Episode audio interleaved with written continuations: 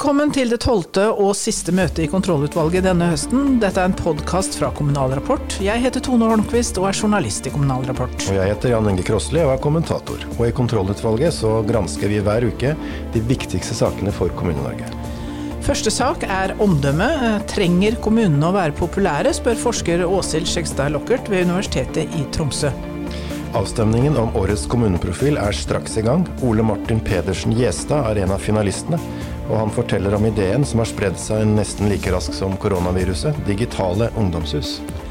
IMDi har bedt kommunen om å bosette 5000 flyktninger neste år. Vår faste gjest, Magnhild Melteit Kleppa, er opptatt av at pensjonistene kan gjøre en frivillig innsats i integreringen. Og under eventuelt skal vi høre om eksordførere som har vært på koronaforbudt bridgeklubb. Er dagsorden godkjent? Den er godkjent, og møtet er satt.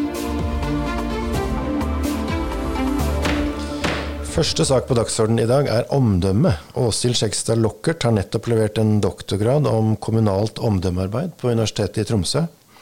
Og hun spør om kommuner trenger å være populære. Velkommen til deg, Lockert. Takk skal du ha. Det var for 15-20 år siden at omdømmearbeidet begynte i kommunene, og som du påpeker i oppgaven er det blitt lagt ned store ressurser i å bygge opp og opprettholde et godt eh, omdømme. Hvordan skal vi definere omdømme slik som kommunene bruker det? Ja, en enkel definisjon av omdømme er jo summen av interessenters inntrykk av en person eller en organisasjon. Og da er det jo klart at det er mange måter man kan forsøke å påvirke det her til det positive.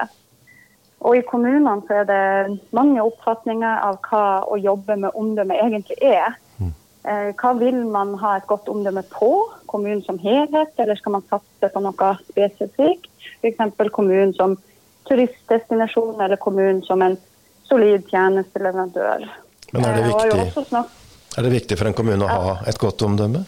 Um, inntrykket mitt i stort er at det i lange perioder nå har vært viktig for kommunene. De er omdømmebevisst. Og det å være populær eller at folk har positive assosiasjoner til en kommune, det er jo selvsagt positivt. Men mye av kritikken har jo vært at omdømmearbeid kan handle om å fremstå positivt uten at det bygger på noe faktisk, altså noe av substans. Og dette vet jeg jo at mange jeg har snakka med av kommunale aktører, de er veldig opptatt av det her, at omdømmet skal være ekte, autentisk og bygge på noe faktisk, og som folk flest kjenner seg igjen i.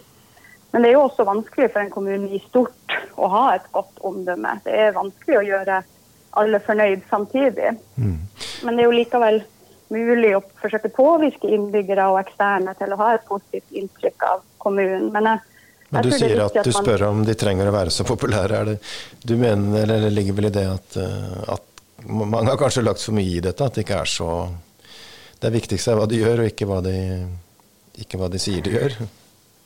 Altså det viktigste er jo kanskje å være en, en legitim organisasjon som ivaretar de oppgavene og verdiene som vi er satt til å tjene. Men det har jo vært mye kritikk av det her, den omdømmetenkninga, den strategiske omdømmetenkninga fra privat sektor. Men jeg ser jo også at det er jo noe positivt som kan være med på det her, om man gjør det rett. Om man, om man går fram på en måte som er i tråd med sånn som kommunen eh, skal operere. da. Ja, altså Omdømmetenkning har jo kommet fra næringslivet, men eh, kommunen skal jo ikke gå med overskudd eller selge varer og tjenester på samme måte. Så passer det egentlig for offentlig sektor? Her er det jo flere som har stilt noen kritiske spørsmål til dette, både fra forskningshold og fra kommunale aktører sjøl. At den strategiske tenkninga rundt omdømme i flere tilfeller kan være i konflikt med sånn som offentlig sektor fungerer. Og Det gjelder f.eks. hvem som skal bestemme hvem kommunen er, altså kjerneverdier og identitet, og hvor kommunen vil, visjonene. Men det gjelder jo også det her med å kommunisere ut, kommunisere strategisk. Og jeg har jo f.eks. lest anbefalinger i omdømmelitteraturen om at lokalpolitikerne bør gi de mest kritiske bemerkningene internt og skryte eksternt.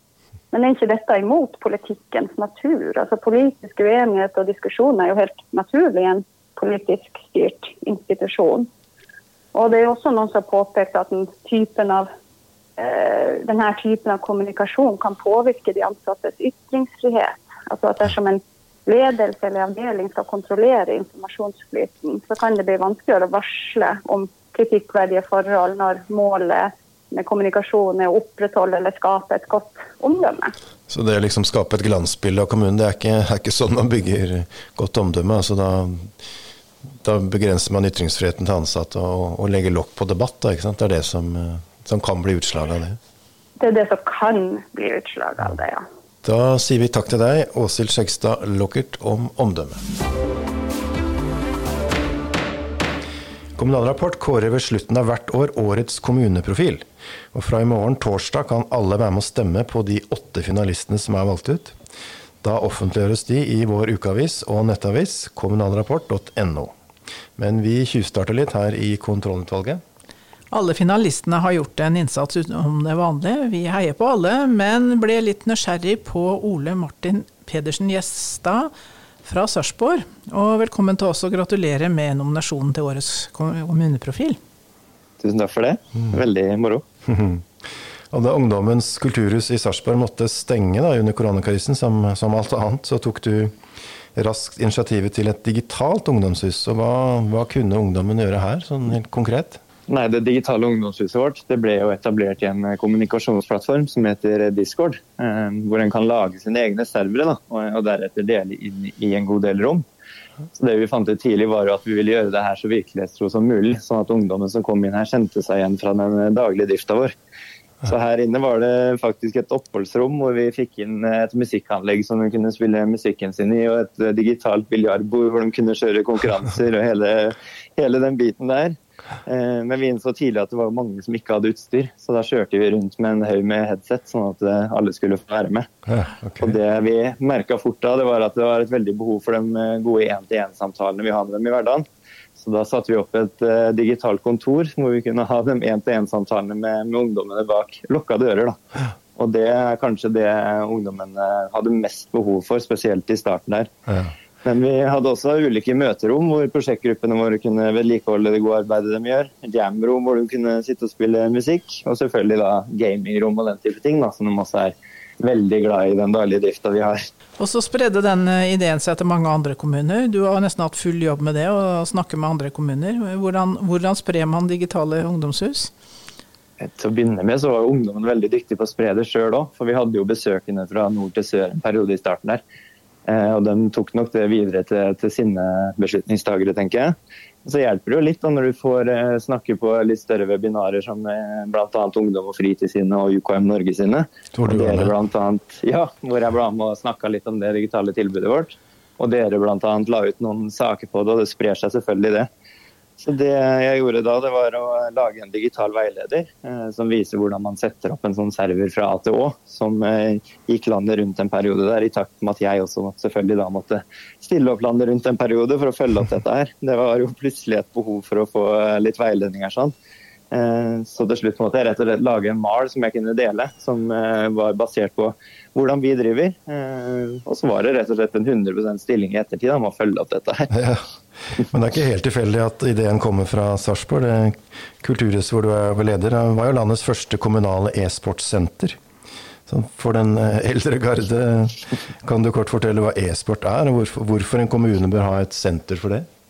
Ja, E-sport kort forklart er jo dataspill da, i en eh, kompetitiv form. Eh, men det er jo så mye mer enn det innunder et e-sportsenter. Datakultur som begrep er jo litt mer enn bare dataspill.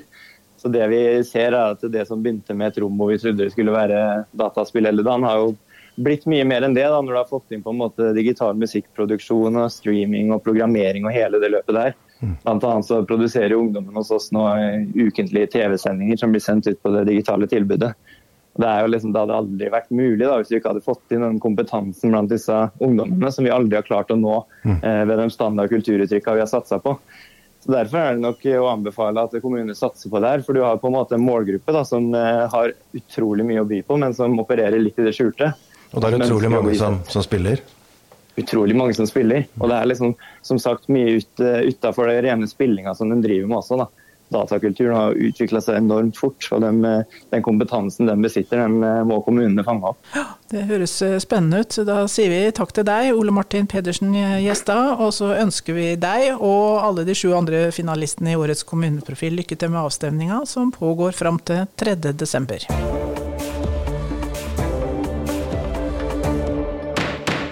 Fire faste gjester har vekslet på å være med på møtene i kontrollutvalget i høst. Magnhild Meltveit Kleppa, tidligere statsråd, stortingsrepresentant og fylkesmann, er en av dem. Velkommen tilbake, Kleppa. Takk for det. Mm.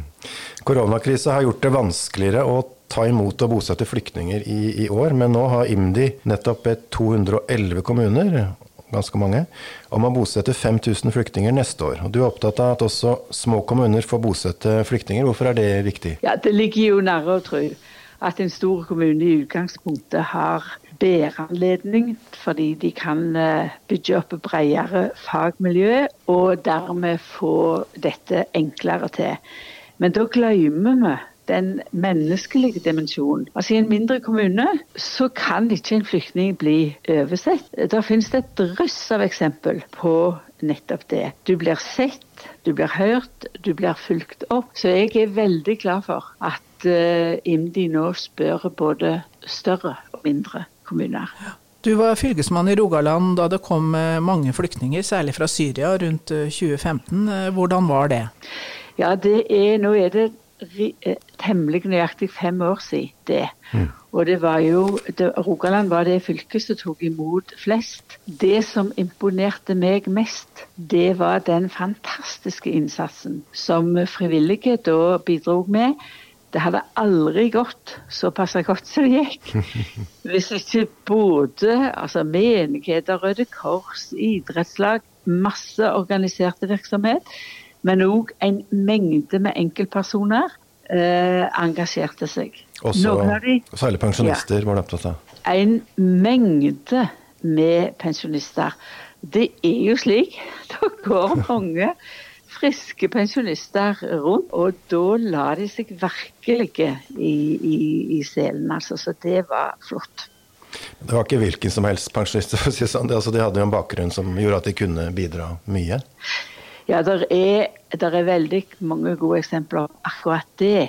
F.eks. den eh, nabo, nabokommunen eh, min her, Suldal. De var på en konferanse og rett og slett fortalte de andre rogalandskommunene hvordan de hadde organisert seg. 26 pensjonister. Mange av de arbeidet hadde hatt arbeid i skolen fra før, og de organiserte leksehjelp. De fortalte jo om skuffelsen innledningsvis. De organiserte leksehjelp, annonserte det, ingen kom. Men så skal jeg si de kom etter hvert. Så det var det er jo et tiltak som uh, altså Det er jo ringvirkninger av det fremdeles i Suldal. Mm. En annen plass der var det en som, flere som var såkalte Gjesdal-venner. Tok seg av uh, flyktninger som kom til Gjesdal. En plass var det pensjonister som fulgte folk til lege, til politi, til matbutikken. Og, og uh, tok de med på ulike aktiviteter. Der er det mye ressurser å hente inn, òg i neste omgang. Mm. I året som kommer så vil jo pensjonistene ha enda mer tid til frivillig innsats, for det blir ikke så mye turer til Gran Canaria og andre steder? Nei, det stemmer. Det stemmer, det er akkurat slik det er. Og jeg tenker for det første når det gjelder flyktninger, både at kommunene er skikkelig obs på dette, at lokalaviser henter fram de gode eksempler, slik at det går an å, og bygge på dem om igjen. Og ikke minst at IMDi òg tar eksempler her på, på, på løft, løfte de opp og fram. Men så er det jo mye annet som pensjonister òg kan engasjere seg i. Altså koke Jeg har hørt om noen som lager frokost på en ungdomsskole. Jeg har hørt om andre som melder seg som turvenner. Det er et stort potensial, og det er jammen sann viktig både at de får mulighet, og at uh, vi er obs på dem pensjonister som frivillige et utnytta potensial i mange kommuner. Da sier vi takk til deg, Magnhild Meltveit Kleppa, for at du har vært med i kontrollutvalget den høsten. Det er tredje gangen i dag. Takk for nå. Da var det eventuelt. Har vi noe på den posten i dag, Tone? Ja, altså jeg tenkte vi må bare minne om at eh, koronareglene også gjelder for tidligere ordførere. Ja, selvfølgelig er det noen som er i tvil om det. Ja, altså det kan jo se sånn ut eh, da, i Indre Østfold. Ja, Der har de jo ganske mange eksordførere. Det har de. Det var jo fem kommuner som ble til én der. Og um, to av dem, uh, to tidligere ordførere, var på herreklubb og spilte bridge i helga. Høyreordfører dette her, altså? Ja, det er jo mest eksordførere fra Høyre i Indre Østfold. Og to av dem har altså vært ordfører i Askim, og de satt og spilte bridge i herreklubben da politiet kom stormende inn, skriver Smålendenes avis. Da, som er dramatisk. lokalavisa. Så ble alle taua inn, da, eller? Nei, men først uh, sa politiet at alle 26 deltakerne skulle bli anmeldt. Men nå er det altså bare arrangøren, et selskapsmatsfirma, som politiet etterforsker for brudd på koronareglene. da.